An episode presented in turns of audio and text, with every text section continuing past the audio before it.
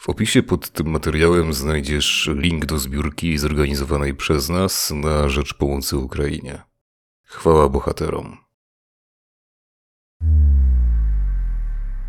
Cześć, nazywam się Damian Jemioło, a to jest Mam Startup Podcast. Posłuchasz tutaj rozmów z funderami, inwestorami i funduszami Venture Capital. Jeśli jesteś zaangażowany w świat startupów, koniecznie zaobserwuj nasz podcast na YouTube, Spotify, Apple Podcast lub Google Podcast. Zapraszam Cię do wysłuchania tego odcinka. Cześć, nazywam się Damian Jemioło i jestem dziennikarzem portalu mamstartup.pl, a moim dzisiejszym gościem jest Bartek Sibiga z Fanadice. Cześć wszystkim, dziękuję za zaproszenie i mam nadzieję, że będzie to bardzo ciekawa, może dla kogoś inspirująca rozmowa. Cześć Bartku, dzisiaj sobie będziemy rozmawiać o, no przede wszystkim tokenach NFT, bo tym się zajmujesz, ale też o bootstrappingu, a to dlatego, że zostałeś wyróżniony w rankingu Kreatorzy 2022, czyli plebiscycie dla founderów i funduszy Venture Capital oraz inwestorów, który współtworzymy z PFR-em i uhonorowaliśmy Cię w kategorii Bootstrap, bo rozwijasz swoje projekty właśnie w oparciu o skalowanie i no organicznie, a nie poprzez sfinansowanie z funduszy czy, od, czy to od inwestorów, inwestorów czy z funduszy Venture Capital. I dlaczego w zasadzie postawiłeś na bootstrapping? Może sobie od tego właśnie wyjdziemy. Tak, przede wszystkim to chciałbym bardzo e, podziękować za wyróżnienie. Nie wiem, jak, jak to się stało, że się znalazłem w tak zacnym gronie e, laureatów pozostałych, więc e, tak, bardzo dziękuję. Jeśli chodzi o sam bootstrap, to po pierwsze, tak, co jest pewnie najważniejsze w tej kwestii, ja miałem taką możliwość. No oczywiście wiem, że nie każda branża, nie każda spółka taką możliwość ma co się wiąże z tym, no, gdybyśmy chcieli tworzyć startupy w branży, powiedzmy biotech, tak, albo medycynie, to, no to zazwyczaj ten kapitał na początku jest dość potrzebny, tak samo we wszystkim, co jest związane z hardwarem. Więc u mnie to szczęście było takie, że ja, ja studiowałem IT, ja programowałem, bardzo, do teraz bardzo lubię programować, teraz po prostu nie mam na to czasu. I byłem w stanie, jak otwierałem mój pierwszy biznes, byłem w stanie sam coś sobie zaprogramować, sam coś sobie stworzyć, i na tym jak gdyby budować, e, budować dalej. E, no i faktycznie myślę, że ta decyzja to była trochę kwestia możliwości, że rzeczywiście byłem w stanie tak zacząć biznes. To się udało. Potem wspólników, których pozyskałem do, do mojego pierwszego biznesu, którym było DDOB, to jest grupa Adnex. Znaczy tam historia była oczywiście, oczywiście dużo dłuższa, ale tak, tak już ją e, postaram się skrócić. I faktycznie ci wspólnicy zamiast, zamiast inwestycji stricte finansowej, dogadaliśmy się na taki deal, gdzie oni nam gwarantowali po prostu dział sprzedaży i dostarczenie odpowiedniej ilości e, klientów. Więc w tym kontekście można powiedzieć, że tak, no jest, jest, to, jest to taka forma bootstrapu, chociaż ci partnerzy, których, e, których wtedy pozyskałem, no to była to jakaś forma inwestycji, tylko że ta inwestycja nie była czysto finansowa, ale była to inwestycja w postaci ich doświadczenia, ich kontaktów, ich networku i oczywiście tego działu sprzedaży, który nam pozwolił DDOB dość mocno rozwinąć. Ja tutaj też chcę porozmawiać z Tobą właśnie o tych ograniczeniach bootstrappingu, bo wydaje mi się, że to nie tylko się tyczy jedynie takich startupów czy projektów, które gdzieś rozwijają swój hardware, no ale jednak ten bootstrapping ma też swoje jakieś inne ograniczenia dotyczące czy to branż, czy po prostu chociażby właśnie takiego organicznego rozwoju projektów. No bo jak często rozmawiam ze startupowcami, sonderami, którzy gdzieś rozwijają te swoje projekty w oparciu o finansowanie z funduszy venture capital, no to oni mówią, że te pieniądze to jest no tak najprościej rzecz rzeczą mówiąc przyspieszenie czasu, że możemy sobie coś rozwinąć, załóżmy w rok, tak jak normalnie byśmy to rozwijali w 3, 4 czy 5 lat. Więc jak to też wygląda z Twojej perspektywy, jeśli chodzi o bootstrapping? Tak, no to, to jest na pewno prawda. Zresztą no wszyscy wiemy, że istnieje teraz coś takiego jak power law i faktycznie jak już, jak już czujemy, że coś może być wielkie, no to ten or, organiczny e, wzrost nam nie wystarczy. Trzeba to bardzo, bardzo mocno e, dopalić. No jak spojrzymy na historię projektów, które dzisiaj są topowymi firmami, typu nie wiem, no chociażby TikTok, tak, no to był jeden, pamiętam, że o TikToku się bardzo długo mówiło o tym, że oni pozyskali chyba naj, naj, największy kapitał w historii jako startup po, po najwyższej wycenie. To było w pewnym momencie, kiedy ich wycena prze, prze, przeskoczyła wycenę Ubera, e, więc tak, w tym kontekście na pewno, jeżeli, jeżeli chcemy budować coś wielkiego, no to no pewnie wsparcie w postaci funduszy jest niezbędne i my też rozważamy jak gdyby taki scenariusz. To już jest scenariusz do firmy, e, która ma miliony dolarów przychodu, e, które udało nam się stworzyć właśnie na zasadzie takiego bootstrapu i wydaje nam się, że znaleźliśmy model, który jest skalowalny, który jest bardzo mocno powtarzalny i rzeczywiście, jeżeli to się nam jeszcze potwierdzi przez następne miesiące, to prawdopodobnie tutaj będziemy szukać finansowania i to finansowanie będzie właśnie po to, żeby w bardzo krótkim czasie bardzo mocno e, zwiększyć e, skalę naszego działania i zaoszczędzić też oczywiście czas. Natomiast ja jestem fanem tego, że właśnie to budowanie organiczne, szczególnie w pierwszym etapie rozwoju projektu, jest gdzieś tam kluczowe, dlatego że też mamy troszeczkę inny mindset w momencie, gdy, gdy sami się finansujemy. I jeżeli możemy bootstrapować, jeżeli to jest właśnie branża, która na to pozwala, jeżeli to nie jest tak, jeżeli nie trzeba kupić jakiejś technologii, która po prostu kosztuje miliony dolarów, to, to zdecydowanie polecam. Jestem fanem, dlatego że można na spokojnie sobie robić różnego rodzaju testy, można na spokojnie sobie dopracowywać ten model biznesowy. Nie ma też tej jakiejś takiej presji związanej z jakimiś KPI-ami, które obiecaliśmy inwestorom. Wydaje mi się, że znacznie łatwiej można też pivotować. E, no i oczywiście ostatecznie na koniec no, wycena w momencie, gdy my już mamy coś do pokazania inwestorom, a w stosunku do tego, gdy, gdy, gdy startowaliśmy od zera tak, i, i zbieramy kapitał tylko na, na, na pomysł, jest nieporównywalna, tak, jeśli chodzi o equity, e, które my jesteśmy w stanie e, oddać. No my dzisiaj chcemy pozyskiwać e, tak naprawdę na spółkę Fanadize kapitał po, po wycenie kilkuset milionów dolarów spółki, tak? No, czego nie dało się zrobić, gdyby nie przychody, gdyby nie to, co osiągnęliśmy tak trochę bootstrapowo, chociaż to też tutaj jest lekko naciągnięte, bo, bo, bo zarówno ja i e, Kuba e, no mamy firmy tak swoje, ja mam DDOB, które przynosi, które jest bardzo rentowne i jest świetnie działającą spółką, E, i jak gdyby mam pieniądze, mam kapitał, który mogę inwestować, no i Kuba jest w tej samej sytuacji, ma przecież e, spółkę e-commerce'ową, e, to jest, to jest bardzo duża firma, bardzo dużo eksportują, przychody ma pod chyba 100 milionów złotych już rocznie, więc też my tworząc Fanadice po prostu mieliśmy własny kapitał, który byliśmy w stanie, w stanie zainwestować no i to była na pewno bardzo dobra e, decyzja. Więc też ja nie wiem, jaka jest dokładnie definicja bootstrapu, czy jeżeli ktoś inwestuje swój własny kapitał, to, to znaczy, że to jest ok, znaczy ok, no wszystko jest ok, ale, ale czy to jest dalej bootstrap, czy to. Nie, nie, nie wiem do końca, jaka jest, jak, jak, to, jak to pewnie każdy to, troszeczkę rozumie inaczej. Tak, to z pewnością no, łatwiej jest ogólnie właśnie podstrapować, rozwijać swoje przedsiębiorstwa w oparciu o e, tylko i wyłącznie swoje gdzieś tam fundusze, jeśli jest się no, czy to seryjnym przedsiębiorcą, czy ma się jakieś inne spółki, gdzie możemy sobie po prostu część z tych naszych przychodów przekierowywać. Natomiast e, wiesz, no, jeśli chodzi też o bootstrapping, to już tak chciałbym tutaj postawić się przy takim pewnym problemem, który zadał mi inny rozmówca, czyli Adam Miesiąkiewicz, jak z nim też niedawno w podcaście rozmawiałem. On zresztą również jest wyróżniony w naszym rankingu Kreatorzy 2022, no to on stwierdził, że w zasadzie zaskoczeniem było dla niego, że taka kategoria jak bootstrapping w ogóle się znalazła w startupowym zestawieniu rankingu, bo jego zdaniem poświęcamy mu stosunkowo mało uwagi takiemu rozwijaniu się w oparciu właśnie tylko i wyłącznie o to, co zarobimy w tej swojej firmie, czy też nawet no, w takiej formie, gdzie jesteśmy seryjnym przedsiębiorcą, otwieramy kolejne spółki, część z, z tych naszych dochodów przekierowujemy na nowe projekty, a bardziej skoncentrujemy się na tych startupach czy na tych projektach, które pozyskują to finansowanie z funduszy venture capital, czy po prostu z, y, od aniołów biznesu. I ciekawi mnie, czy ty też tak uważasz, że mm, faktycznie dzisiaj mniej tej uwagi takiej medialnej czy social mediowej jest skupione wokół bootstrappingu, aniżeli wokół takiego pozyskiwania finansów? Pewnie to wynika z tego, co dzisiaj się tak naprawdę co dzisiaj budzi zainteresowanie ludzi i oczywiście credibility, które siedzi za funduszami albo za dużymi kwotami, które inwestują w projekty, rozbudzają wielką wyobraźnię. I tak, jestem, jestem tutaj przekonany, że tak jest i jest to gdzieś naturalne. Wiąże się to z tym, jak po prostu media są dzisiaj skonstruowane, tak, że my szukamy ciekawych informacji.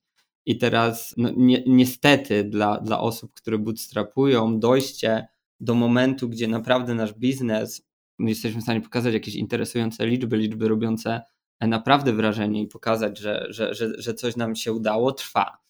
Trwa czasem bardzo długo, tak? A jeżeli mamy e, nawet pomysł na papierze i uda nam się ściągnąć jakiś poważny fundusz on board, który powie, że inwestuje milion, dwa miliony dolarów, no to to już jest news, tak? To, to już z punktu widzenia PR-owego jest coś, czym można się pochwalić i o czym wszyscy bardzo chętnie napiszą. Więc myślę, że tak. Myślę, że bardzo ciekawe byłoby też sprawdzenie, ile z tych takich newsów, że ktoś właśnie pozyskał inwestora, że ktoś e, tutaj, że jakiś fundusz zainwestował w jakiś projekt, ile w ogóle z tych firm e, gdzieś tam e, przetrwało. Wydaje mi się, że jeżeli firma, która, która bootstrapowała i, i idzie od zera, stworzyła sobie model biznesowy, osiąga jakiś tam poziom, poziom przychodowy, który jest warty uwagi, no to jest bardzo duża szansa, że taka, taka firma przetrwa. Natomiast jeżeli, to była firma, która w 100% posiłkuje się takim zewnętrznym finansowaniem i wszyscy do, do, doskonale wiemy, jak to działało w Stanach w przypadku jakiegoś PayPala, YouTube'a, gdzie, gdzie PayPal był w stanie tak naprawdę brać pieniądze od inwestorów po to, żeby kupować produkty na eBayu, potem wystawiać je z powrotem tylko z płatnością e, PayPalową, żeby, żeby jak gdyby zwiększać, zwiększać revenue i też budować adopcję, że oni chyba płacili 10 dolarów za, za dołączenie do projektu. No to w tym momencie, a jeżeli my mamy tak duże finansowanie, ba bardzo ciężko jest ocenić, czy ten w ogóle model biznesowy się będzie kiedykolwiek spinał, bo jak gdyby widzimy, że projekt jest w stanie budować gigantyczną skalę, ale oni budują tą skalę tylko dzięki temu, że po prostu inwestują niesamowite e, pieniądze.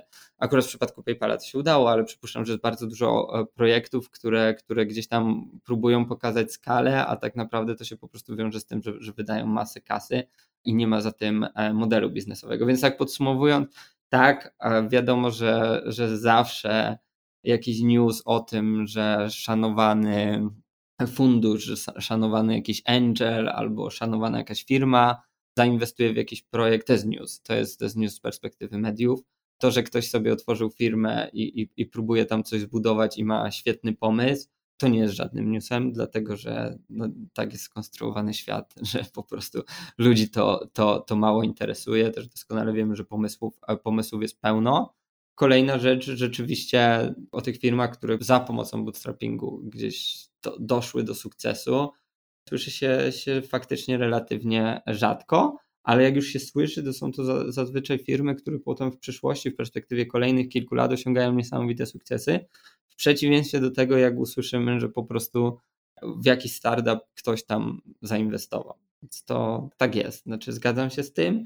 Też jestem za tym, że super jakby się więcej, a bardziej nagradzało tych przedsiębiorców, którzy próbują ten bootstrapping u siebie e, wprowadzać. I tutaj bym chciał przejść do kwestii właśnie tokenów NFT, ale zacząłbym od tego, że ty w zasadzie kiedyś mocno się koncentrowałeś na influencer marketingu, nawet pamiętam kiedyś takie miałeś wystąpienie, prelekcję na TEDx, gdzie opowiadałeś o influencer marketingu, a teraz bardziej się skupiłeś na tym sektorze tokenów NFT i myślę, że w social mediach, zwłaszcza no swoich po prostu, jesteś mocniej kojarzony właśnie z, z tokenami. I teraz też dużo osób dopiero cię poznaje tak naprawdę i nie kojarzy cię na przykład z tej twojej poprzedniej poprzedniej działalności. Ciekawi mnie, dlaczego się zdecydowałeś dziś zmienić tutaj ten no, obszar takiej no, koncentracji po prostu właśnie z influencerów na tokeny NFT. Po kolei może. To ja, ja, już wspomniałem o DDOB, to jest, to jest agencja influencerska, ale też platforma, którą właśnie stworzyłem prawie 6 lat temu. Stworzyła się z tego niezła firma. Mamy kilkanaście milionów przychodu. Ja dalej jestem jak gdyby prezesem tej firmy i, i głównym właścicielem. Więc jak gdyby dalej jestem naturalnie w tym influencer marketingu i pierwszy raz, kiedy gdzieś bardziej zacząłem się interesować krypto, NFT i w ogóle tymi wszystkimi tematami, to, no to cel był taki, że widzieliśmy bardzo duży potencjał w monetyzowaniu twórców, tak? czyli chcieliśmy influencer marketing trochę przenieść do tego nowego świata i to była tak naprawdę pierwsza wizja Fanadize, jaką, jaką chcieliśmy tworzyć. Ona potem oczywiście bardzo mocno ewoluowała. Dalej poniekąd e, ta, ta działalność też istnieje, no ale skupiliśmy się już trochę na, na innych produktach, więc to było jak gdyby takie naturalne. Czemu akurat NFT? Bardzo prosto, no bo jestem jednym, jak to się mówi, e, maksymalistą NFT-sowym w takim kontekście, że, że rzeczywiście wierzę, że to jest technologia, e, która ma tak niesamowicie dużo zastosowań w tak różnych branżach. Jest to technologia przyszłości no i bardzo bym się zdziwił, gdyby, gdyby, rzeczywiście, gdyby rzeczywiście nie było tak, jak mówię. Naprawdę jesteśmy prawie przekonani po tym, co widzimy, co się dzieje w Stanach, po tym, jakie nowe projekty powstają, po tym, co my też planujemy zrealizować, że to jest naprawdę, chociaż może to brzmieć niewiarygodnie, bo, bo, bo jeszcze tych zastosowań tak w praktyce czysto nie widać, że to jest rewolucja na skalę rewolucji e, powstania internetu. I tak bardzo mocno, bardzo mocno w to, w to wierzymy. E, tak naprawdę ta cała rewolucja ona się nazywa Web3. To, to nie jest NFT. NFT jest jej częścią, tak? Czyli po prostu Web3 jest rewolucją na skalę powstania internetu. Natomiast NFT jest bardzo dużą częścią tej rewolucji Web3. Stąd jak gdyby ta, ta chęć tworzenia czegoś, gdzie możemy być po pierwsze pionierami nawet na świecie, dlatego że systemy, które teraz tworzymy, które jeszcze nie do końca są ogłoszone, to będzie coś zupełnie nowego i to w skali, w skali globalnej. No a w Polsce, no to wiadomo, w Polsce e, to, to w ogóle już wszystko raczkuje. Tutaj jeszcze nikt do końca nie wie o co chodzi w tym całym świecie, więc to jak wszystko się dopiero, dopiero zaczyna. I tak zgadzam się, no szczególnie jak ktoś mnie e, obserwuje na Twitterze, to mój Twitter jest tylko NFT-sowy i tam bardzo mało kto w ogóle wie, co robiłem w przeszłości. E, na Instagramie mam bardziej e, przemieszaną grupę, bo to jest tak, że jeszcze bardzo dużo osób mnie obserwuje z mojej kariery narciarskiej, no bo ja byłem w kadrze Polski też na nartach freestyle'owych udało mi się zdobyć Mistrzostwo Polski, więc tam mam taką bardzo wymieszaną grupę. Natomiast tak, no Twitter to jest, to jest zdecydowanie to medium, gdzie typowo e, skupiam się na NFT i, i mam tam po prostu globalnych followersów, którzy no, siedzą głównie w tym, w tym temacie w Web3 i właśnie w NFT. No, o tych zastosowaniach tokenów NFT to jeszcze będę chciał z Tobą porozmawiać, ale też bym chciał omówić kilka Waszych projektów, który, no, z których gdzieś tam Fanadize w zasadzie mm, troszeczkę się mm, szerzej pojawiło no, w naszej tej przestrzeni medialnej, tak to nazwijmy. Jednym z nich był projekt z no, w zasadzie stokenizowania cyfrowego uczucia influencerki Marty Renty, po prostu sprzedaży tego w formie tokenu NFT. I ciekawie mnie skąd się pojawił w ogóle ten pomysł i w zasadzie dlaczego ktoś to kupił, też jest dla mnie bardzo interesujące. Plus jeszcze wiesz, tutaj często przy tym projekcie pojawiały się takie zarzuty, że Marty Renty w zasadzie nie wie za bardzo co sprzedaje, że nie ma jakby pojęcia o tym, czym są tokeny NFT i o co w zasadzie chodziło w tym całym projekcie, przy którym współpracowaliście z nią. Tak, no to zacznę od początku. No tutaj jak gdyby to był pomysł Kuba Biela, który jest bardzo znanym marketerem. Nie wiem, czy go kojarzysz, ale tak, tak. Mhm. wygrywa I Love Marketing praktycznie co roku. I szukaliśmy, rzeczywiście z Jakubem współpracowaliśmy, szukaliśmy jakiegoś takiego pomysłu, bo trzeba sobie powiedzieć jasno, jak gdyby z perspektywy Funadize to był trochę taki PR stand. My nie wiedzieliśmy, jak do końca potoczy się ta, ta cała historia, czy rzeczywiście ktoś to kupi, czy w ogóle tego nikt nie kupi. W sensie my sami tego nie wiedzieliśmy, jak to zaczynaliśmy robić. I szukaliśmy takiej rzeczy, o której po prostu będzie się dość dużo mówiło w świecie. Czyli zastanawialiśmy się, co można e, stokenizować. Wcześniej, nie wiem, czy ktoś to pamięta, ale kilka tygodni wcześniej, chyba nawet na TFN24, ale ogólnie w mediach, przeszła taka informacja, że ktoś stokenizował niewidzialną rzeźbę, tak, że narysował, że ona tutaj i to po prostu stokenizował i to się sprzedało też za jakieś gigantyczne pieniądze. No stąd pojawił się ten pomysł, ok, mamy Fanadize, zebraliśmy też, mamy bardzo dużo inwestorów, bo to jest też ciekawe, w Fanadize oczywiście mamy inwestorów, którzy po prostu inwestowali w token projektu albo inwestują w NFT projektów, które tworzymy, e, więc to też jest jakaś forma pozyskiwania kapitału. To nie jest tak, że Fanadize. Oczywiście ten pierwszy etap my się, my się samofinansowaliśmy. Teraz gdzieś tam pozyskujemy ten kapitał. To jest, tutaj ta, ta granica jest taka mie, mega, mega ciężko wyznaczyć granicę między tym, kiedy rzeczywiście my możemy traktować to, że to jest pozyskiwanie kapitału, a kiedy to jest po prostu revenue. Tak, no na przykład w przykładzie Fancy Bears, o którym pewnie będziemy później jeszcze mówić, ludzie kupili od nas NFT, ale jednak no, oni też, też oczekują, że oczywiście my, my nie mamy jak gdyby jakiegoś konkretnego obowiązku dowiezienia tym ludziom, którzy w to zainwestowali, jakichś konkretnych KPI, no ale jednak stworzyliśmy jakąś roadmapę, obiecaliśmy, co będziemy budować w ramach tego projektu. W międzyczasie się okazało, że wymyśliliśmy dodatkowe rzeczy i oczywiście pracujemy nad tym 24 godziny na dobę i będziemy, będziemy wszystko dowozić. To jest w ogóle bardzo, bardzo ciekawa forma, bo z jednej strony jest to trochę pozyskanie, e, pozyskanie kapitału, ale z drugiej strony no jest, to, jest to tak czysto praktycznie, no to jest to jednak nasz przychód, bo my po prostu sprzedaliśmy produkt, ale za tym produktem ciąży na nas odpowiedzialność dowiezienia rzeczy, dowiezienia tego, co mówiliśmy, co obiecaliśmy w ramach tego, tego projektu. To taka mała, mała dygresja. Wracając do Marty Renty, no to szukaliśmy czegoś po prostu, co może pójść wiralowo, no i udało się, bo ona się pojawiła w telewizji brazylijskiej, drugiej największej, artykuły w New York Post, no wszędzie tak naprawdę, w The Sun, w jakichś totalnie globalnych magazynach, ponad 100, 100 różnych wersji językowych, znaczy 100, 100 różnych e, państw, które gdzieś tam opublikowały w jakieś właśnie swoich, swoje formaty, jakieś artykuły, albo, albo gdzieś w telewizji, albo gdzieś jakieś podcasty, na które Marta była zapraszana.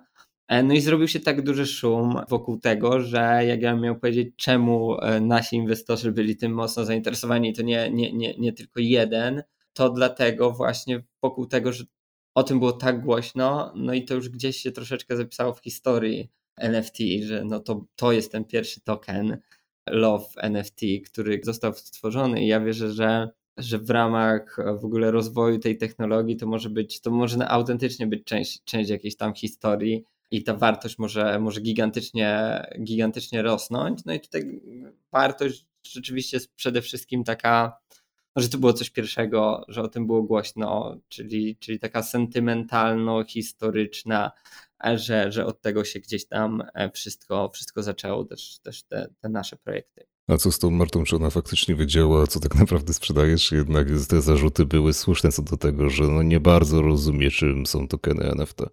Ja, ja z Martą się bardzo dobrze znam i my ją edukowaliśmy. No na pewno rozumie to znacznie lepiej niż statystyczna osoba w Polsce i przypuszczam, że też statystyczna osoba nawet w Stanach, bo gdzieś jej to mocno tłumaczyliśmy. Natomiast no, pewnie szczegółów związanych z blockchainem e, i dokładnie z tym, jak e, to działa, e, nie rozumie. Pytanie, czy musi to rozumieć, czy, czy nie. To jest takie ja uważam, że bardzo dużo w ogóle brandów, które dzisiaj wchodzą w NFT, bo, bo słyszymy o tym bardzo dużo, że, że tam nikt nie ma pojęcia, albo szczególnie osoby, które się wypowiadają dzisiaj, dzisiaj o, o, o NFT, oni, oni w ogóle nie mają pojęcia, jak działa sama technologia.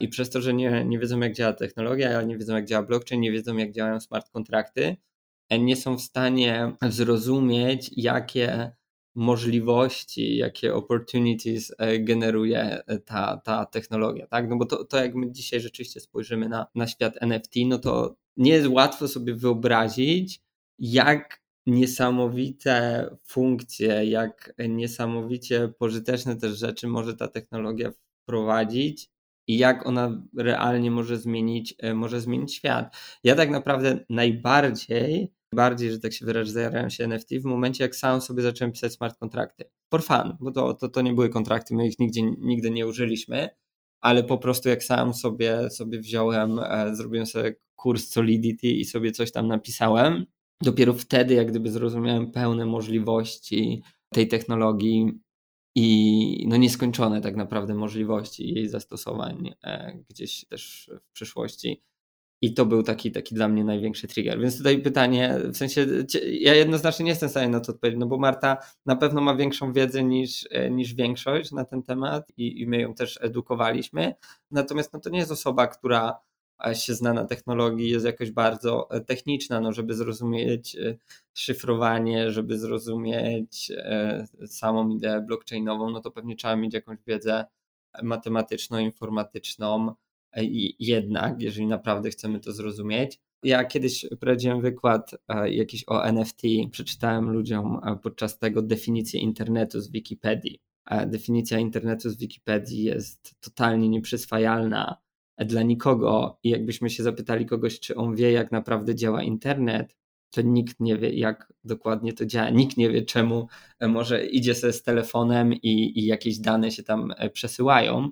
Po prostu ludzie nie mają pojęcia, jak to działa tak, tak, tak mówię czysto fizycznie, co, co, co tam się dzieje, że, że my jesteśmy w stanie wysłać wiadomość do drugiej osoby na, po drugiej stronie świata i on, on ją dostaje, to nawet osoby zajmujące się technologią, piszące o technologii, nie, nie wiedzą, jak to fizycznie działa.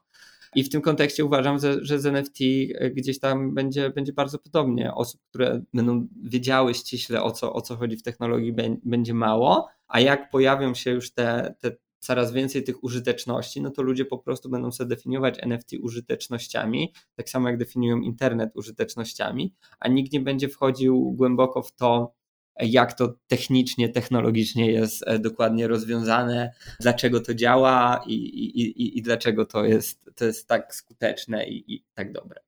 I też podobny projekt w zasadzie przygotowaliście z Dodą, choć tutaj zaskanowaliście akurat jej ciało w 3D i też po prostu sprzedawaliście w formie tokenów NFT.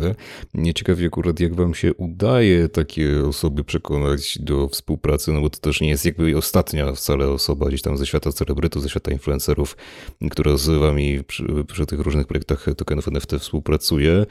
Czy to jest też trochę zasługa tej twojej platformy influencerskiej, po prostu sieci kontaktów? Jak to dokładnie działa? Teraz jest tak, że zgłaszają się do nas wszyscy, ale naprawdę wszyscy. W Polsce to praktycznie bez wyjątku i każdy chce z nami działać, bo każdy jak gdyby widzi, co się dzieje w Stanach, każdy widzi, jak artyści, jak twórcy wchodzą do tego świata. To, co my zresztą mówiliśmy, e, mówiliśmy o, o na, naszych Fancybersach, że tam influencerzy sami do nas pisali o możliwość jakiejkolwiek współpracy. Sami do nas pisali o dedykowane misie. To nie było tak, że my musieliśmy komuś wychodzić naprzeciw. I tutaj teraz mówię o Polsce, ale na przykład e, globalnie, no nie wiem, wczoraj, wczoraj, tak, wczoraj miałem spotkanie z e, menadżerem e, Floyda Mayweathera, który też jest menadżerem wielu innych sportowców w Stanach. Jakkolwiek to nie zabrzmi, to oni chcą z nami współpracować my nie, nie musimy tego robić. Jak gdyby to, to im zależy, bo oni widzą, jaką my mamy technologię, oni widzą, jak gdyby, jakie, jakie sukcesy odnosimy. E, szczególnie nasz ostatni projekt, e, Fancy Bears, który naprawdę stał się topowym projektem na świecie, jeśli chodzi o, e, jeśli chodzi o NFT z tej, z tej branży PFP. No i to oni chcą z nami gdzieś, gdzieś, tam, gdzieś tam współpracować, bo znacznie więcej jest celebrytów niż osób, które mają jakąkolwiek wiedzę o NFT i jeszcze popartą jakimś sensownym teamem deweloperów. Zresztą team deweloperów, który my mamy, to w tej chwili to są głównie osoby ze Stanów i nie wyobrażam sobie w Polsce zrekrutowanie osoby, która jest w stanie nam bezpiecznie postawić smart kontrakty, w ogóle kontrakty pod NFT jest wyzwaniem tak karkołomnym, że nawet ja gdzieś uważam, że mam niezły network, nie byłem w stanie tego kompletnie zrobić, bo po prostu te wszystkie osoby i tak gdzieś pracują w jakichś zagranicznych projektach. Kluczowe jest doświadczenie, tak? Kluczowe jest to, że osoba, która jest takim deweloperem, żeby po prostu przeszła, miała za sobą dużo deployów, e, kontraktów, dużo projektów, z którymi współpracowała, też wiedziała, co może pójść nie tak, co trzeba poprawić, była z tym stricte na bieżąco. I no naprawdę muszę przyznać, że Avi, który jest jednym z naszych, jest head developerem, jeśli chodzi o tą część, e, o tą część blockchainową, bo oczywiście potem mamy team też w Bielsku, to już jest team, powiedzmy, on się zajmuje Web 2.0, tak, czyli, czyli, czyli tam wszystkie rzeczy związane już po prostu z jakimś frontendem, backendem, ale, ale takim Web 2.0, czyli tak jak zbudowany jest Allegro czy Amazon, który po prostu gdzieś tam leci na jakimś Node i na, i na, i na takich innych e, rzeczach na standardowych bazach danych, e, no to tu mamy oczywiście ten, ten team i ten team budujemy sobie w Polsce i, i to jest możliwe. Natomiast no, ten, ten, ten team, który jest odpowiedzialny za, za tą część e, blockchainową, no nie ma tych specjalistów, naprawdę nie ma takich ludzi. I ja bym się pokusił o stwierdzenie, że Avi jest topowy na świecie, jest topowym. Zresztą on, on współpracował z Board Clubem, jeśli chodzi o tworzenie kontraktów. On tworzył Decentraland, tworzył te wszystkie kontrakty na Manem w Decentralandzie. No wszystko, co, co, co tam się dzieje, więc on, on, on jest bardzo blisko tego świata. Takich ludzi po prostu nie ma. Znaczy to akurat jest prawda, jeśli chodzi, nawet to wiele raportów gdzieś tam wskazuje takich branżowych, że te potrzeby dotyczące programistów, na przykład, którzy właśnie znają technologię blockchain, umieją ją rozwijać, no to jest bardzo niewielu, a zapotrzebowanie jest spore, więc faktycznie to ograniczenie na rynku jest no, takie wymowne. Pucek robił taką, chyba w swoim newsletterze, on tam oszacał, że jest chyba 600 osób w Polsce, natomiast te osoby, które są w Polsce, Moim zdaniem bardzo mało z nich zna się stricte na tej technologii NFT-cowej. To są specjaliści do blockchainu, ale oni jednak skupiają się na, na DeFi, tak, Decentralized Finance i wszystkim wokół tego i, i tokenów. Natomiast znaleźć osobę, która ma jakiekolwiek doświadczenie w deployowaniu kontraktów na RC721, na, na 1155, to jest bardzo ciężko i, i, szczerze mówiąc, no musi być ktoś w Polsce, no na pewno ktoś taki jest, ale, ale jeżeli zakładam, że mam 600 e, deweloperów blockchainowych, to, to, to, są, to może być naprawdę kilkadziesiąt osób na, na, na cały kraj. No nam się nie udało znaleźć, jak coś. No i też tutaj chcę właśnie porozmawiać z tobą o Fancy Beers Metaverse, czyli o tym waszym projekcie. Najpierw bym jednak chciał, żebyś przedstawił szerzej, jak to dokładnie działa, jak to wygląda i czym w zasadzie się różni od Board Ape Yacht Club, który no, można powiedzieć, że w zasadzie chyba było takim pierwowzorem dla was. Które też się z tego wzięło, jak gdyby w ogóle geneza tego projektu jest trochę taka, że no my, my jesteśmy członkami Board Ape Yacht Clubu, a ja miałem okazję być na spotkaniach i w Nowym Jorku, i w Miami, jak gdyby tego, tego klubu poznać wielu innych członków i zobaczyć, jaka, jaka jak gdyby wartość płynie z tego, co tam się buduje, ale też zobaczyć, jakie, jak gdyby, jakie są plany, jakie są pomysły, wszystko to dokładnie zobaczyć od środka. I w Stanach jest dość duża konkurencja, jeśli chodzi o te projekty. My, my nazywamy, na dzisiaj to się nazywa projekty PFP, czyli Profile Pictures, NFT Project i rzeczywiście Bored Ape Yacht Club jest, jest największy, chociaż nie był pierwszy, bo, bo były też kryptopunki wcześniej. I dość niedawno Bored Ape Yacht Club przegonił kryptopunki, to nie, miesiąc temu, dwa miesiące temu maksymalnie. I tak, to była bardzo dla nas duża inspiracja. Stwierdziliśmy, że czegoś takiego nie ma w Europie i w ogóle NFT Web3 to jest jedyna taka dziedzina, gdzie ja widziałem aż tak dużą dysproporcję między Stanami a Europą. W sensie w Stanach naprawdę każde firmy szukają, budują jakieś swoje właśnie komórki związane z Web3, z blockchainem, z NFT. I, jest, jest to tam powszechny temat, natomiast w Europie jest on kompletnie niezrozumiały w, ża w żaden sposób. W sensie nikt nie wie o co chodzi, ludziom się wydaje, że to jest po prostu jakaś moda, która jest w Stanach, ale naprawdę tutaj no nie istnieje jeszcze. To, to, to nie istnieje. I pierwsza rzecz, którą, która jak gdyby była pomysłem do stworzenia tego, no to było ok, no dobra, no to zróbmy taki Board Ape Club w Europie, no bo to musi przyjść do nas, tak? Ta, ta adopcja musi się powoli pojawiać, ludzie się będą interesować, coraz więcej osób będzie, będzie, będzie wchodziło w tą technologię, więc pewnie, pewnie będą zainteresowani wstąpieniem do, do takiego klubu, kupieniem sobie NFTsa i to była to była początkowa wizja pierwsza. Natomiast no, potem ten projekt bardzo mocno ewoluował, dlatego że my gdzieś byliśmy świadomi tego, że w Europie, przez to, że ta adopcja jest dość mała, my i tak będziemy musieli pozyskać bardzo dużo, bardzo dużo osób z całego świata, tak naprawdę kolekcjonerów, którzy po prostu, po prostu kupią sobie nasze, e, nasze misie i faktycznie cały plan był taki, że zaczęliśmy od Board Ape Clubu, czyli był presale dedykowany tylko i wyłącznie, e, tylko i wyłącznie dla, dla Board Ape Clubu. Tam 500 osób właśnie dołączyło i, i kupiło sobie misję na presale, no a potem wiadomo, potem to już, potem to już poszła taka fala, że taki trochę takie FOMO, że, że w 8 minut sprzedaliśmy cały, e, cały public sale. E, natomiast wracając do tematu, to tak, pierwsza wizja była taka, że to będzie po prostu PFP e, Project Europy, ale potem zdaliśmy sobie sprawę z tego, jak, jak rzeczywiście duża konkurencja dzisiaj już jest w samym po prostu PFP i zaczęliśmy ten projekt mocno rozbudowywać. No i teraz w ramach tego projektu tworzymy coś, co, co nazywamy NFT 2.0. A ja nie mogę tu zdradzić niestety szczegółów. Mogę tylko powiedzieć to, co ogłosiliśmy, czyli, czyli ogłosiliśmy kilka takich już dość ciekawych rozwiązań, gdzie łączymy właśnie e, tokeny RC721 z RC20. E, na przykład, że właśnie NFT jest kluczem do kontraktów vestingowych i, i, i, takie, i takie inne rzeczy technologiczne. I to jest trochę zapowiedź tego, co ogłosimy w następnych miesiącach. To wydaje mi się, że, że będzie rewolucyjne. Na pewno czegoś takiego nikt nie zrobił na świecie jeszcze. Projektu, który my będziemy wkrótce ogłaszać. My go w ogóle podzieliliśmy na cztery fazy i my tak naprawdę dzisiaj ogłosiliśmy pierwszą fazę.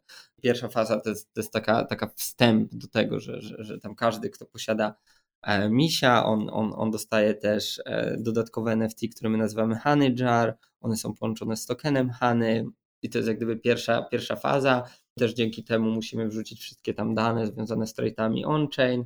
No jest, jest jak gdyby kilka takich rzeczy technologicznych, które są w ramach tej pierwszej fazy. Potem powstaje aplikacja, która będzie też umożliwiała użytkownikom upgrade'owanie swoich NFTsów, czyli jak gdyby interakcja on-chain, zmienianie trade'ów, e, coś co to, to było już w kilku projektach, co ogólnie to jest nowe, natomiast rzeczywiście już ktoś to ktoś to przed nami zrobił, natomiast to jest wszystko ta faza pierwsza. No i potem będzie faza druga, trzecia i czwarta, gdzie my już mamy dokładnie drugą i trzecią zdefiniowaną w 100%, ale jej po prostu nie ogłosiliśmy, więc ja jej też nie mogę ogłosić. Mogę tylko powiedzieć, że to jest coś, czego na pewno nie było w tym świecie i coś, co wierzymy, że, no, że będzie, będzie po prostu gigantycznym projektem, oczywiście połączonych z projektem Fancy Bears. No jak już tutaj mówimy właśnie o tych podstawach e, Fancy Bears, czyli po prostu właśnie tych zdjęciach profilowych w formie tokenów NFT, no to, to tutaj też pozostaje pewne, wiesz, różne kwestie takie dotyczące chociażby tego, jaki jest ogólny odbiór i sentyment pod, pod profilkami chociażby celebrytów, które zaprosiliście do współpracy. I w zasadzie no to jedną z takich rzeczy ważniejszych, które zauważyłem, no to chociażby to, kiedy Krzysztof Gonciarz z wami wszedł w współpracę i tam na jego zdjęciu profilowym na Instagramie się pojawił właśnie wasz miś, no to ten odbiór był raczej taki, bym powiedział, że bardziej mm, ten sentyment po prostu pod tym zdjęciem to był bardziej taki mieszany, nawet bym zaryzykował stwierdzenie, że w kierunku negatywnego. Podobnie się też tyczyło to chociażby Magdy Gessler, która również gdzieś tam z wami weszła we współpracę. No to jak patrzyłem ostatnio, to chociażby jej zdjęcie profilowe, nie tylko jej zdjęcie profilowe na Facebooku zostało zmienione po prostu na, na, na jakby na jej twarz, ale również cała grafika przedstawiająca jej wersję w postaci właśnie misia Fancy Bears, no w zasadzie zniknęła z Facebooka i ciekawi mnie, czemu tak się stało. Czy to jest podyktowane po prostu takim negatywnym, bądź też mieszanym sentymentem, odbiorem ich odbiorców, fanów, tych influencerów, czy z czym to jest w zasadzie związane i skąd w zasadzie też się bierze taki negatywny odbiór wśród tych ludzi? To tak, to po kolei. Znaczy tak, odbiór rzeczywiście w Polsce jest bardzo negatywny, co nas też trochę zaskoczyło, dlatego że my, my, my siedząc dużo w Stanach, współpracując z tymi przedsiębiorcami ze Stanów i naprawdę członkami Board Biach Clubu są prezesi no, największych spółek technologicznych w Stanach. Trochę nie przewidzieliśmy tego, że w Polsce może to być aż tak negatywnie odebrane.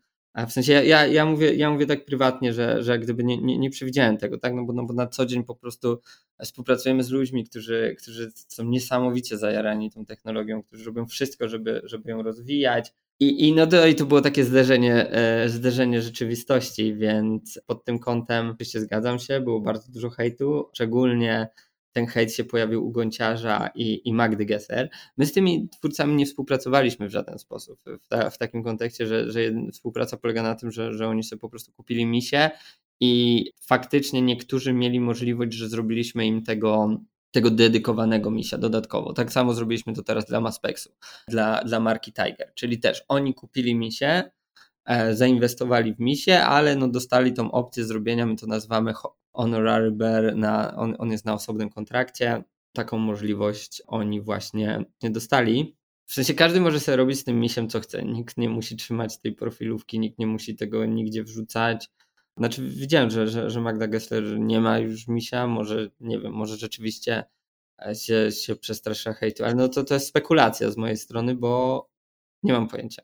Wracając do tego, czym może być spowodowany ta niechęć w Polsce, no w sensie dla mnie to jest brak podstawowej wiedzy, czym jest ta technologia i wydaje mi się, że większość osób nawet kompletnie nie chce się zainteresować, ale znowu często udostępniać taki filmik, jak 1995 roku Bill Gates został zaproszony do, do największego amerykańskiego talk show i po prostu go wyśmiewają przez 10 minut, mówiąc, że, że, no, że internet to jest jakaś totalna bzdura, nie ma żadnych praktycznych zastosowań. Tak? Tam, tam, tam, tam jest, tak, naprawdę jest taka śmieszna scenka, to się chyba zaczyna od tego, że właśnie prowadzący mówi, no, że słyszał o tym internecie i podobno w internecie będzie można teraz na żywo posłuchać o jakimś tam meczu baseballowym i że, I że to jest ta niesamowita rewolucja, no ale i on tam mówi, does radio ring a bell, tak, czy to nie ma czegoś wspólnego z radiem?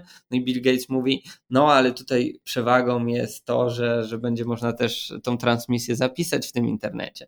No to wtedy ten prowadzący mówi, czy nie słyszał o tape recorder, tak, czy że, że, że można już nagrywać rzeczy. No i to jest, wydaje mi się to bardzo, jak gdyby ta analogia jest po prostu idealna, ona jest bardzo trafna, dlatego że dokładnie to samo internet w 1995 roku to już był internet, który miał 5 lat, tak? To, to w sensie od, od powstania to już, to już było po powstaniu Amazona, to już było po powstaniu pierwszych przeglądarek, więc tam już, tam już ta użyteczność była, ale z punktu widzenia takiego powiedzmy odbiorcy streamowego, tam nie było żadnej, żadnej nowej, ekstra dodatkowej dodatkowej użyteczności. Dopiero gdy, dopiero ludzie, którzy siedzieli w tym i wiedzieli, że okej, Dzisiaj to można przetransmitować tam jeden stream, ale oni już wtedy wiedzieli, że, że w przyszłości ta technologia jest tak skalowalna, że coś takiego jak Spotify będzie mogło powstać, tak? Albo coś takiego jak YouTube będzie mogło na tym powstać. D dokładnie ta sama sytuacja uważam, że jest teraz w NFT. Czyli ja dokładnie też wiem, jakie możliwości w przyszłości, mimo że dzisiaj, dzień dzisiejszy, bardzo trudno jest wymienić takie stricte rewolucyjne zastosowanie NFT, to ja jestem w stanie dokładnie sobie wyobrazić, jak ta technologia może zmienić każdą, dosłownie każdą bez wyjątku branżę na zawsze. Tak samo jak internet to zrobił. Ale zajęło to sporo czasu. Czy tutaj też bardzo często takim argumentem dla przeciwników tokenów NFT, czy ogólnie osób, które no właśnie negatywnie się mm, o tym wypowiadają, no to to jest kwestia tego, jaki ślad węglowy to pozostawia, tak? No, artysta Memo Acten kiedyś przeanalizował 18 tysięcy tokenów NFT. To był człowiek, który był związany z tym tak zwanym kryptoart, w sensie, nie pamiętam czy sam Memo tworzył kryptoart, ale wiem, że miał po prostu wśród swoich przyjaciół takie osoby, które się tym zajmowały. No to ustalił ustalił, że każdy pojedynczy taki token NFT, jeśli chodzi o kryptoart, to pozostawia za sobą ślad węglowy wynoszący około 211 kg ekwiwalentu dwutlenku węgla. No, czyli tutaj mówimy o takiej dosyć poważnej emisji CO2 i to też bardzo często jest argument, który uderza w blockchain jako taki, technologię blockchain czy kryptowaluty. Więc również tutaj tokeny NFT, które są oparte o tę technologię się mocno obrywa i też mnie ciekawi, co ty o tym tak w zasadzie sądzisz. No bo jednak jednak no, nie można mimo wszystko ignorować tego faktu pozostawiania mm, śladu węglowego i emisji gazów cieplarnianych przez tę technologię. Natomiast czy ona też ma szansę się przerodzić w taką po prostu na przykład bardziej zieloną technologię? Bardzo dobrze nawiązuje do tego, co powiedziałem przed chwilą, że jak gdyby tak, dzisiaj sytuacja, jak gdyby każdy z nas widzi, że to jest problem. I jak gdyby te argumenty, że, że dzisiaj mintowanie NFT to dotyczy tylko Ethereum, znaczy to dotyczy tylko niektórych e, blockchainów, żeby było jasne, są słuszne.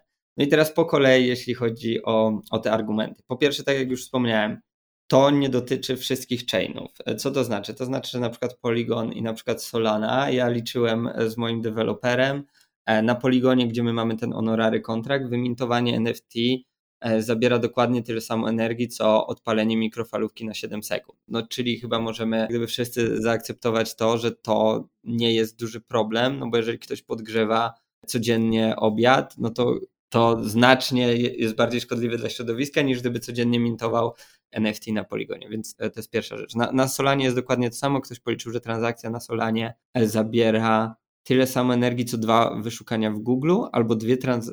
Nie, nie jestem teraz pewien, no ale mniej więcej taka, taka skala, tak? Wyszukiwanie w Google czegokolwiek, jeżeli my czegoś wyszukujemy, też zabiera energię, jest porównywalna z energią, którą zabiera, zabierają transakcje na Solanie. To jest pierwsza rzecz. Druga rzecz jest taka, że właśnie Ethereum 2.0, e, które jest cały czas e, przekładana data e, launchu, ale no dalej się mówi, że może to nastąpić w wakacje tego roku i mam nadzieję, że tak się stanie. Jak nie, no to najpóźniej gdzieś to będzie końcówka 2022 albo początek 2023 roku. Ethereum 2.0 nie będzie już oparty na proof of work, tylko na proof of stake, więc 90% tej energii, którą dzisiaj zużywa, w sensie zużycie energii spadnie po prostu o 99%. Więc to będzie gigantyczna rewolucja i ten problem, można powiedzieć, na pewno skala tego problemu znika praktycznie całkowicie. Kolejna rzecz, e, która jest taką ciekawostką, e, szacuje się, że ponad już dzisiaj ponad 70% w ogóle kopalni kryptowalut. Ten problem dotyczy głównie przede wszystkim Bitcoina, no Bitcoina i Ethereum powiedzmy, ale, ale przede wszystkim Bitcoina a korzystają z zielonej energii. I w ogóle są takie bardzo ciekawe opracowania, które mówią o tym, że, że zazwyczaj te koparki, one, one są lokowane jak najbliżej, ponieważ dzisiaj to jest gigantyczny biznes, więc one są lokowane jak najbliżej elektrowni, eko, znaczy eko, tak, ekoelektrowni, czyli elektrowni, które po prostu e, wytwarzają energię z odnawialnych e, źródeł, e, jak najbliżej i to polega na tym, że taka, że, że, że, że ktoś, to, ktoś to też przeliczył, że w ogóle taka elektrownia, ona po prostu nie wykorzystuje swojego pełnego potencjału i teraz ten, ten pełen, to co zostaje, idzie, na, idzie właśnie do, do koparek kryptowalut. Więc, więc problem jest na pewno bardzo złożony. Tak jak mówię, przy NFT to, to nie jest w ogóle przyszłościowy problem, tak? Więc to jest problem tymczasowy, to jest problem chwilowy Dlatego w Stanach się na przykład o tym prawie w ogóle nie mówi, no bo jeżeli jest, jest wizja tego, że, że za rok w ogóle problem nie będzie istniał, albo ta technologia ewoluuje, no to z ich perspektywy tam po prostu nie ma problemu, dlatego się o tym nie mówi. W Europie rzeczywiście bardzo dużo ludzi jak gdyby krytyk, krytykuje NFT za to. Też, tak jak mówię, to dotyczy tylko i wyłącznie NFT na, na, na, na chainie Ethereum. Znaczy, no na in, może są jeszcze jakieś inne, które też pobierają dużo energii, ale drugi najpopularniejszy, którym jest Solana, jeśli chodzi o NFT, to, no to tam w ogóle nie mamy tego problemu. No i tak samo Polygon, który jest layerem tu na Ethereum też nie ma tego, tego, tego problemu. Więc tak, można powiedzieć, że bardzo wiele technologii, szczególnie w tych pierwszych fazach rozwoju, były nieefektywne. Wszyscy o tym wiedzą, nikt tego nie kwestionuje. W przypadku Ethereum i, i wszyscy doskonale wiemy, że po prostu ten problem, tego problemu po prostu w przyszłości wraz z rozwojem tej technologii e, nie będzie. No tak, przecież trzeba też oddać, że to właśnie ten blockchain Ethereum jest tak naprawdę tutaj najpopularniejszym, jeśli chodzi o emitowanie tokenów NFT. Ja nie mam takich dokładnych danych, ile to mniej więcej... Ilościowo na pewno nie. Ilościowo, Ilościowo okay. na pewno nie. To, a masz jakieś dane, jeśli chodzi właśnie o taki rozkład procentowy, jak to mniej więcej wygląda, jeśli chodzi o blockchainy poszczególne? Ja tylko po prostu wiem, jaka jest przepustowość Ethereum, tak, bo Ethereum w momencie, jak działa na Proof of Work, ma określoną ilość danych, które, którą można zapisać w czasie i po prostu da się policzyć e, przepustowość tego, ile, ile maksymalnie można w ogóle wymintować tych NFT na przykład w przeciągu dnia. I teraz e, Solana czy inne chainy e, są w stanie w kwestii skalowalności są po prostu znacznie szybsze i znacznie lepsze, więc, więc można tam wymintować miliony. To, to, to są naprawdę rzędy wielkości razy więcej, razy więcej NFT, tak? Technologiczny na tych, tych chainach i przez to, że na Ethereum koszt wymintowania dzisiaj NFT to jest około 100 dolarów, też bardzo mocno to ogranicza, przez to, że na Poligonie i na Solanie to jest koszt grubo poniżej 1 dolara, to mówimy o jakiś to też zależy jeszcze jakie NFT, no, no ale powiedzmy kilka centów. Powoduje, że tam znacznie więcej jest mintowanych e, po prostu NFT. Jeśli chodzi o ilościowo, to w 100% Ethereum e, wcale nie jest tego bliskie, ale tak, Ethereum, na pewno ślad węglowy większy generuje Ethereum niż wszystkie pozostałe chainy razem wzięte, dlatego że tam te, tak jak mówię, poligony Solana, tam nie ma tego problemu. Czy nawet Binance Smart Chain, to, to, tam jest wszędzie proof of stake, tak? Czyli to jest jak gdyby można powiedzieć ewolucja blockchaina, który przeszedł z proof of work do, do proof of stake. To też chciałbym, żebyś podał takie zastosowania właśnie dla tokenów NFT, które są już obecnie i które będą mogły być w przyszłości, no bo jakby obecnie tak przede wszystkim, zwłaszcza w mainstreamie, tokeny NFT się kojarzą z taką wartością czysto kolekcjonerską czy sentymentalną, jak wspominałeś chociażby przy okazji gdzieś tam tokenizacji uczucia Marty Renty, więc jak to się sprawa ma, jeśli chodzi o takie bardziej rzeczy użytkowe, które mogłyby być wykorzystywane nawet przez takiego, wiesz, przeciętnego Kowalskiego, no bo jeśli mówimy o rewolucji na powstania internetu, rewolucji Web3, no to musimy mieć też takie czysto użytkowe kwestie, które by mógł najzwyczajniej w świecie przeciętny zjadacz chleba również wykorzystywać. To ja dokładnie teraz pisaliśmy w ogóle z Kubą taki, taki artykuł, zresztą on zostanie opublikowany w największym serwisie biznesowym w Polsce, prawdopodobnie dzisiaj. Taka ciekawostka. No i tam lista, jak ja zrobiłem. Myślę, że możesz powiedzieć, o jaki serwis chodzi, to raczej się nie obrazimy, także spokojnie. To akurat w polskim Forbesie będzie, będzie to opublikowane, to będzie też, ten artykuł został też przetłumaczony oczywiście na język angielski i pojawi się w wielu, w wielu, wielu miejscach. Jeśli chodzi o zastosowania, tak naprawdę możemy mówić o wszystkich branżach i pewnie najciekawsze, najciekawsze zastosowania no to są na przykład w branży medycznej. Można sporo, sporo artykułów na tym, ten temat znaleźć. My w tym artykule zaczynamy od takiej historii mojego kolegi, który się nazywa Tej. E, Tej pochodzi, pochodzi z Syrii, jest, jest jak gdyby imigrantem, no ale pracował w Dubaju, potem pracował e, w Holandii, w Hadze, ale wygasła w pewnym momencie jego wiza pracownica i on trafił do wozu dla, e, dla uchodźców, dla, dla imigrantów on nie miał identity swojego, tak? Bo przez to, że on się urodził w, w, czasie wojny, nigdy, nigdy po prostu nikt nie, nie ma jak gdyby dokumentu narodzin, tak? nie ma birth certificate, e, nie, nie posiada domu, nie, nie, posiada kraju ani e, miejsca, do, do którego w sumie mógłby się, e, mógłby się udać. I on nagrał takiego znakomitego TEDa o tym, jak właśnie blockchain go uratował, dlatego że są setki tysięcy osób tak zwani niewidzialni ludzie, którzy nie posiadają identity, przez co nie mogą mieć nie mogą uczestniczyć w systemie finansowym, tak? nie mogą mieć konta w banku, nie, nie, nie mogą mieć nic takiego, mogą mieć tylko gotówkę, którą, którą muszą trzymać e, ze sobą. I on właśnie opowiadał o tym, a TED się w ogóle nazywa jak, e, chyba, jak zamówiłem pizzę do, do obozu uchodźców i, i właśnie jak zapłacił za tym bitcoinem i został królem tego obozu, bo mógł zamawiać rzeczy, a inni ludzie, którzy tam siedzieli, po prostu nie mają nic, tak? Oni mają tylko ten dobytek, który ze sobą do tego obozu e, przynieśli. No i on, to jest mój dobry znajomy i on bardzo mocno teraz pracuje nad projektami, które właśnie za pomocą technologii e, NFT e, doprowadzą do tego, że już nigdy nikt nie utraci swojej tożsamości, że to będzie zdecentralizowana baza, gdzie NFT będzie certyfikatem Twoich narodzin, tego, tego, że jesteś i po prostu, że istniejesz. Więc to jest takie bardzo ciekawe w ogóle zastosowanie, bo mnie się zawsze, zawsze jednym z największych zarzutów też co do NFT jest, że to nigdy nic nie zrobi dobrego dla świata. No, no to, to jest pierwszy przykład, który myślę, że rozwiązuje gigantyczny problem. Oczywiście to, to wszystko jeszcze nie działa tak w 100% tak jak ma działać, ale rozwiązuje gigantyczny problem e, setek tysięcy osób, które nie mają aktu, aktu urodzenia.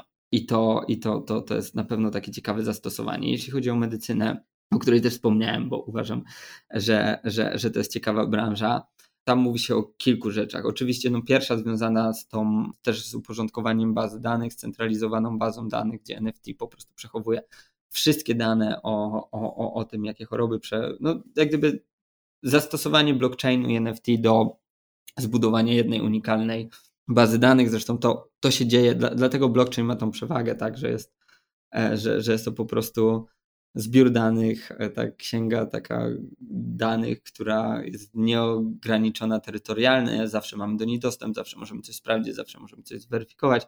Więc oczywiście w tej kwestii każdej branży to dotyczy, tak? Każdej. Urząd, który ma jakieś dane, wszyscy, co mają jakieś dane, mogliby je przechowywać na, na blockchainie i mogliby to na przykład robić w formie NFT, żeby one, NFT było kluczem dostępu do tej bazy danych, więc tu, tu możemy powiedzieć o wszystkich. Natomiast w kwestii medycyny tam są też bardzo ciekawe zastosowania NFT połączone, połączone z metaversem, już w kwestii czysto związanych z jakimś, z jakimś przeprowadzaniem operacji. Ja, ja mogę podesłać linka, no bo ja oczywiście się na medycynie nie znam, więc nie jestem w stanie w 100% e, powiedzieć, jak to wszystko działa. No potem mamy cały metavers, który gdzieś zaczynamy wierzyć, że jest przyszłością i on bez NFT po prostu nie może istnieć. W sensie nie, nie, nie wyobrażamy sobie takiej sytuacji, chyba nikt sobie nie wyobraża, że NFT nie będzie tym certyfikatem posiadania czegoś w metaversie. Będzie, tak? Jeżeli metaversy, no widzimy teraz wszystkie firmy zaczynają w metaversy.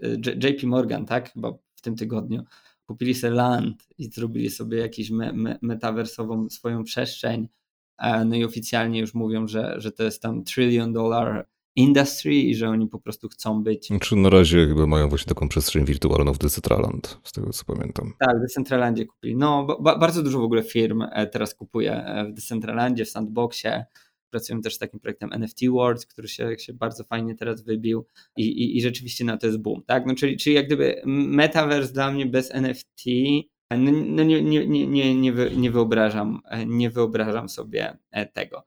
No potem mamy, ja, ja stworzyłem taki, taki artykuł w ogóle, ile, ile w tej chwili marek w ogóle wchodzi na, na, w, te, w, ten, w ten świat NFT, tak? To jest między innymi Adidas, Nike, Gucci, Coca-Cola, McDonald's, Twitter, Facebook, ale też takie mniej oczywiste, na przykład Komitet Olimpijski, który już też działa w branży, w branży NFT-sowej więc mamy tego masę.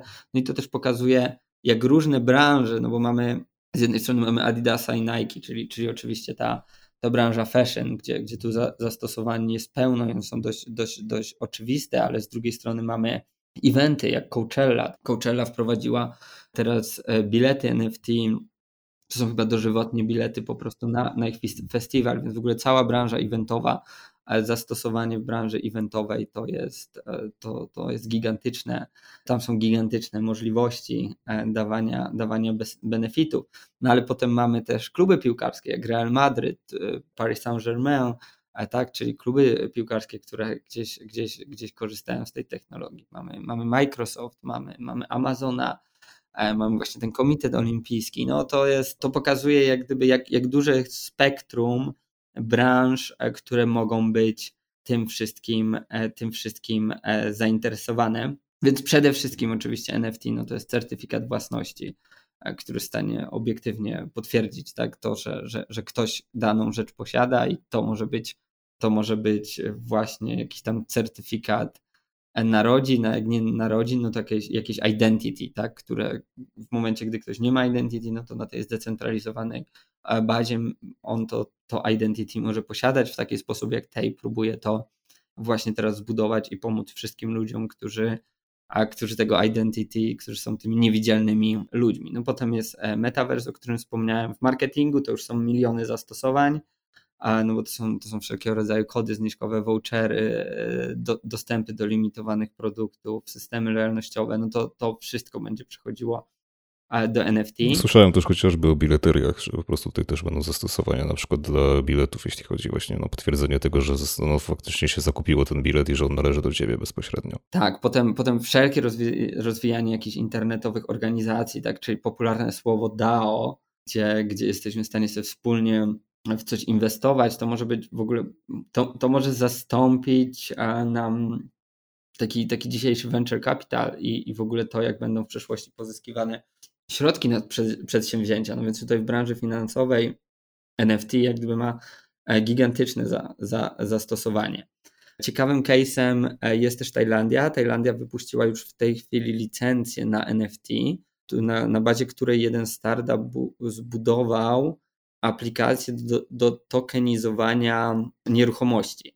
I to polega mniej więcej na tym, że w czym NFT jest genialny, też jest w stanie, oprócz tego, że nam potwierdza ten ownership, to jest w stanie nam sfrakcjonalizować ten ownership, tak? Czyli my na przykład mamy pałac kultury, no ale chcemy, żeby każdy Polak miał formalnie jego część, no to dzielimy go tam na 40 milionów i każdy sobie dostaje i trzyma sobie to, to NFT, e, które jest który jest, no, któremu jak gdyby gwarantuje to, że, że, że ma jakiś tam mały udział, może sobie to odsprzedać, może sobie, to, może sobie robić z tym, co chce. Tak? I, i właśnie to, to jest przyszłość, że my nieruchomościami będziemy mogli inwestować w nieruchomości tak, że ja sprzedam kawałek Pałacu Kultury i kupię sobie kawałek Złotych Tarasów i to się już dzieje w krajach azjatyckich, bo tam stworzyły się regulacje w niektórych krajach dotyczą. Bo, bo dużym, dużym też oczywiście barierą do adopcji NFT jest brak jakichkolwiek regulacji na tą chwilę. No ale te regulacje będą przychodzić. No. no to tak jak z kryptowalutami było, tak. No dokładnie. To jest, to jest kwestia, nie wiem, roku, dwóch, trzech, czterech.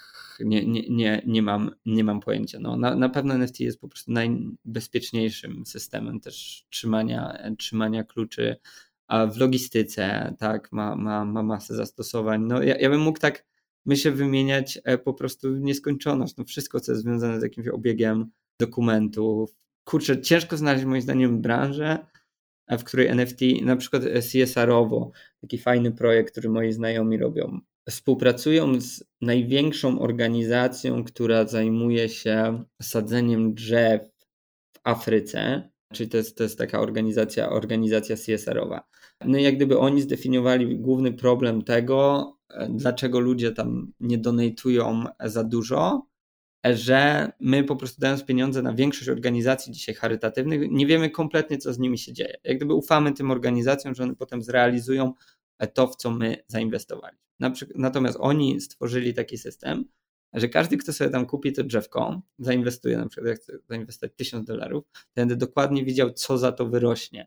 E, jest metaverse tworzony i certyfikat NFT do tego, że ja to konkretne drzewo na tej przestrzeni posadziłem. Oczywiście to znowu, to jest, to jest projekt, który on jeszcze nie jest live, tak? To, to ja, ja widziałem prototypy, e, więc ja wiem, jak to będzie działało, ale tutaj w kontekście organizacji charytatywnych, wspierania i tego, że my faktycznie poprzez blockchain jesteśmy w stanie dokładnie prześledzić, czy nasze środki trafiły tam, gdzie miały trafić, czy jednak trafiły do, na, na wypłatę dla, dla, dla prezesa tej organizacji, to to będziemy w stanie zrobić.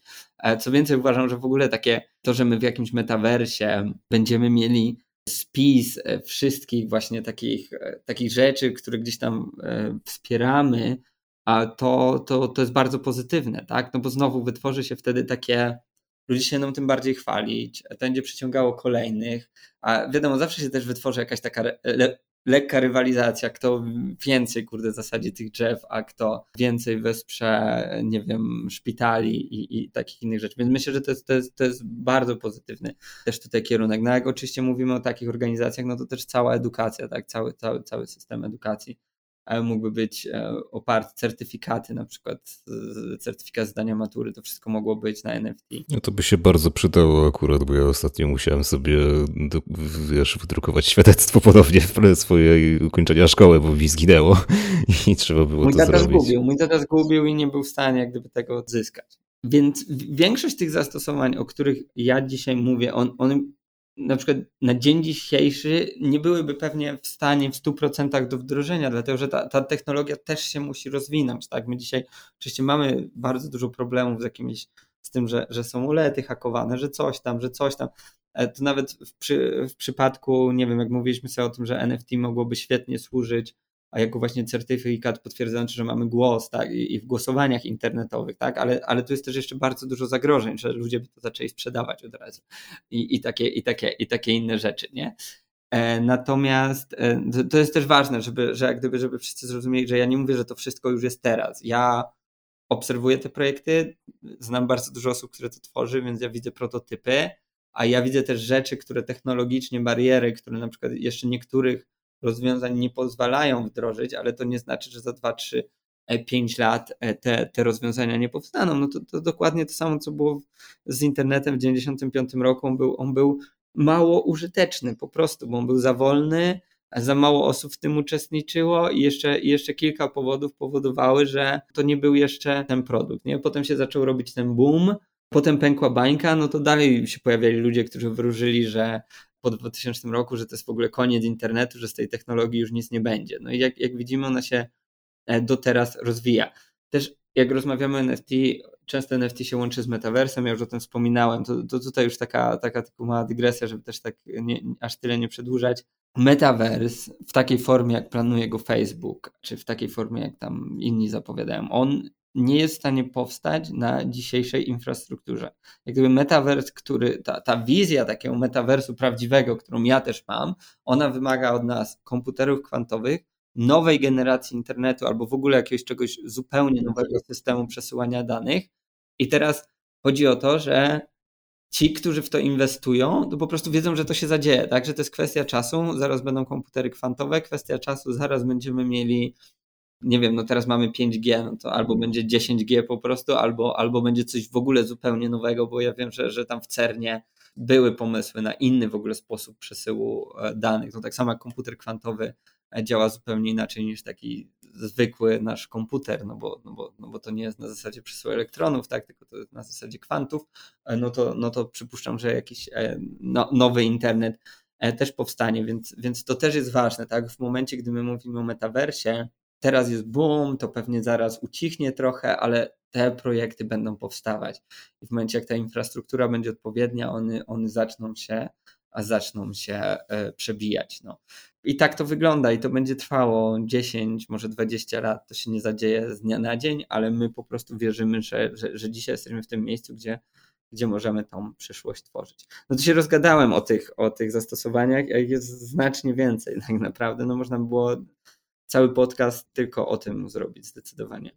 Znaczy tak, jeśli chodzi też jeszcze o kwestię właśnie rozwoju tej technologii na przykład, no to tutaj też trzeba, tutaj też trzeba przytoczyć to, że to jest też kwestia czasu, znaczy często, no teraz dopiero w zasadzie będzie to kwestia troszeczkę ograniczenia dostępności do surowców, no bo jednak te surowce no nie są niewyczerpywalne.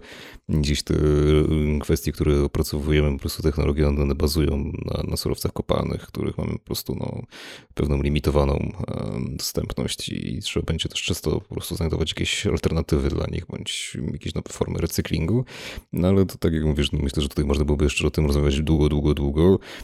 Tutaj bym też zahaczył o to, że jest jedna taka branża, gdzie adopcja tokenowych NFT jest mm, stosunkowo niewielka, nawet bym powiedział, że jest bardzo, bardzo niska i co do której ja nie widzę na przykład zbyt wielu rozwiązań i możliwości. I to konkretnie jest branża gamingowa, bo tak naprawdę jeśli chodzi o gaming, to jedynie która, jedyna firma, która Teraz oferuje na przykład przedmioty NFT do gier, no to to jest Ubisoft i to konkretnie chodzi o Ghost Recon Breakpoint. Natomiast wszelkie jakieś takie inne próby tokenizacji gdzieś tutaj były bombardowane przez graczy i raczej niechętnie przyjmowane. No dobry przykład to jest Team 17, który no, to są twórcy kultowej serii Worms.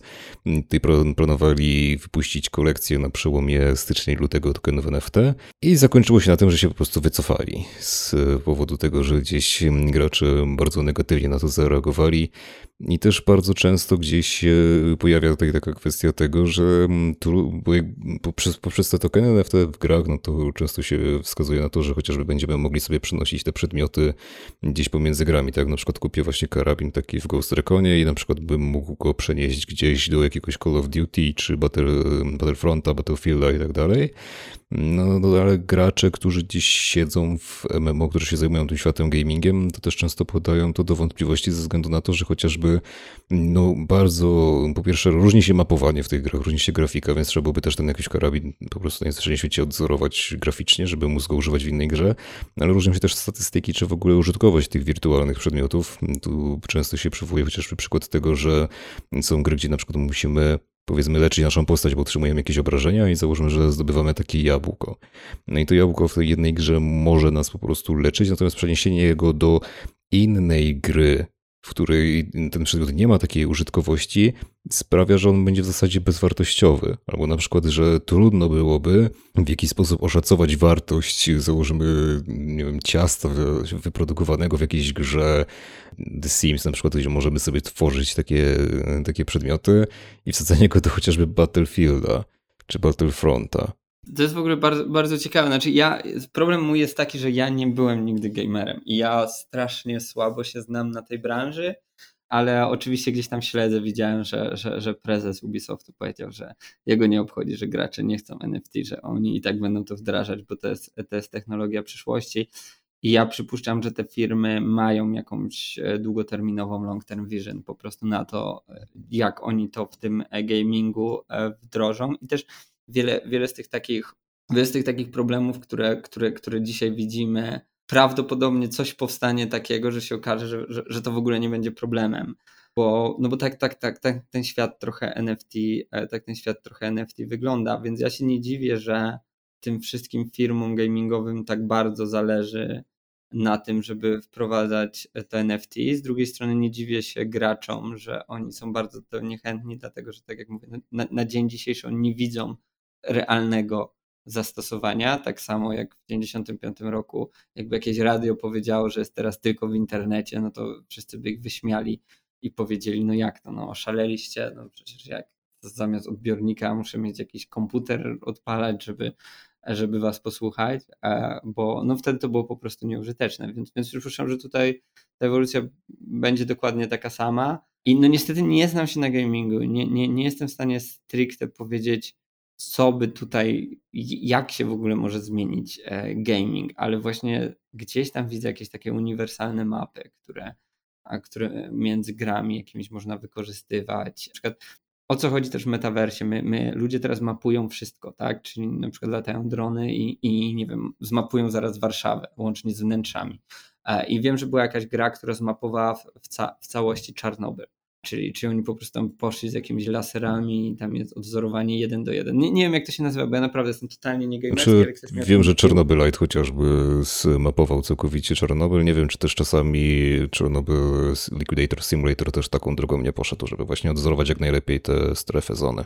No i wiesz, ja, jak gdyby sobie wyobrażam jakieś takie wizje przyszłości, gdzie mamy zmapowany e, cały świat i, i jak gdyby jest bardzo dużo gier, które odbywa się w tym świecie i ty jesteś w stanie za pomocą NFT, a jak gdyby swój dom w tej grze e, potwierdzić certyfikatem własności, że ty tu mieszkasz. Halo, ja, ja tu mieszkam. To jest gra, ale to jest mój, mój dom też w tej grze, no bo gramy e, gramy w jakimś tam realnym świecie, ale to tak, wiesz, to tak szyje po prostu na bieżąco, to jest jakiś taki pomysł. Ja, ja myślę po prostu bardzo o tym szeroko, tak? Czyli jak gdyby jestem sobie w stanie wyobrazić, że właśnie gry korzystają z mapy świata, która jest jeden do jeden e, mapą świata, że ona cała jest gdzieś tam na NFT i do twórcy idą jakieś royalties przez blockchain e, za to, że on, że on zmapował e, cały świat, a potem, że użytkownicy mogą swoje miejsce zamieszkania na przykład jakoś claimować w tej grze i to im coś daje, tak? I, i to, to, to, to, to, taki, to taki pierwszy przykład. Nie? Drugi przykład to jest nasze awatary. No my mamy ten skaner 3D, gdzie jesteśmy w stanie no, każdego zeskanować. Jakbyśmy każdego zrigowali, to jesteśmy go w stanie wrzucić do gry. Musisz mieć jakiś certyfikat do tego, że ty posiadasz e, ten, ten, ten 3D awatar. Potem właśnie jeżeli to pójdzie w tym kierunku, bo, bo, bo znowu Profile Pictures to jest dobry e, przykład. Profile Pictures dzisiaj no, nie ma do końca zastosowania w takim kontekście, no, że teoretycznie każdy może to skopiować. No ale w momencie jak wychodzi Twitter i mówi hej, my zaczynamy weryfikować i zaraz to samo zrobi Facebook, TikTok e, i, i YouTube, no to w grach też możemy sobie wyobrazić system, gdzie gry są bardziej połączone z metaversem i każdy z nas ma też swoją postać, jakąś właśnie jedną, uniwersalną, bo to może iść w tym kierunku, tak? To może iść w tym kierunku, że my będziemy w stanie ją zaimportować. I teraz ja sobie to wyobrażam tak, że ja sobie robię skan 3D i to jest jakiś tam mój skan i na podstawie tego skanu, danych z tego skanu, każda inna gra zmienia ten awatar i dostosowuje do swojej wersji. Nie? Jak coś jest Minecraftem, no to ten 3D skan trzeba przerobić na pikselową wersję. Jestem w stanie sobie to wyobrazić. No i tutaj NFT będzie certyfikatami własności, które będą mi pozwali, pozwalały otworzyć i, i wykorzystać ten, ten awatar. Więc ja przypuszczam, że w gamingu są miliony zastosowań.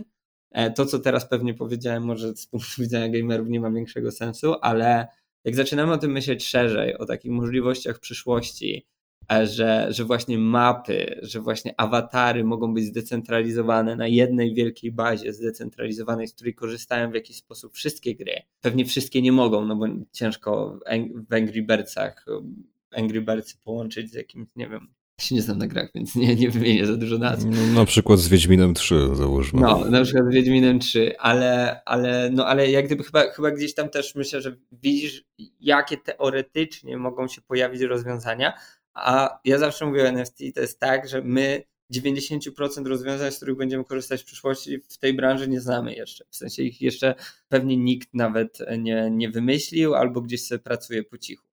Tak, no jeśli chodzi o tokeny NFT, to też będę chciał z Tobą oczywiście o tym szerzej porozmawiać z Tobą albo z Twoim wspólnikiem Kubą w ramach takiej naszej debaty, którą organizować będziemy akurat w na łamach nowego marketingu przy okazji wydania naszego nowego projektu. To tak sobie pozwolę zaspoilerować trochę, ale to już też szersze szczegóły to będziemy podawać po prostu bliżej wydania tego projektu. Natomiast już tak naprawdę na sam, sam koniec, bo już dosyć długo rozmawiamy tutaj, chciałbym, żebyś wyjaśnił co w zasadzie chodzi z twoim konfliktem ze Spider's Web, bo jakiś czas temu no, po prostu właśnie popadłeś w konflikt z tym serwisem i tam się pojawił artykuł, który w dosyć niewybredny sposób no, krytykuje twoją działalność. I ty też oczywiście nie pozostawiłeś tego bez odzewu, więc chciałbym, żebyś naszym słuchaczom wytłumaczył, jak w ogóle do tego doszło i co dokładnie za tym wszystkim stoi ja już, ja już gdzieś tam poniekąd dałem spokój, bo potem jak zobaczyłem, jak zła jest opinia ogólnie Spider's Weba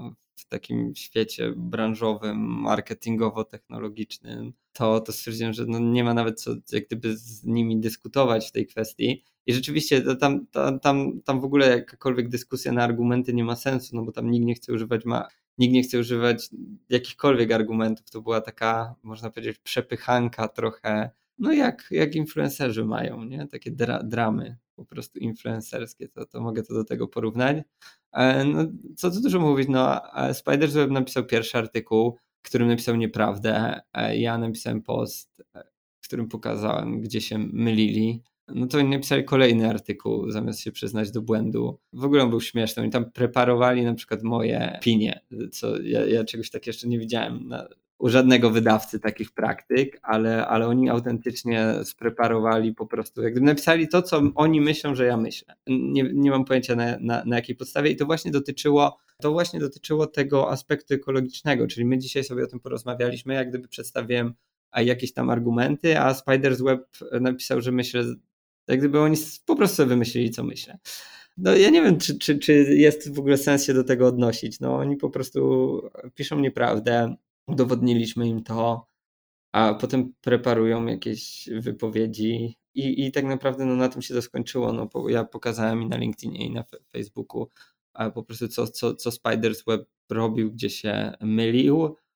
jak dziś o tym mówiłem, że każdy ma prawo do wygłaszania swojej opinii, więc z tym w ogóle nie mam problemu, że ktoś mnie nie lubi albo może sobie pisać o mnie, o mnie, o mnie co chce. Jedyne co mnie zdziwiło, że no tutaj jednak podpisuje się pod tym jakaś marka, no ale, ale nie, może nie powinno mnie to dziwić.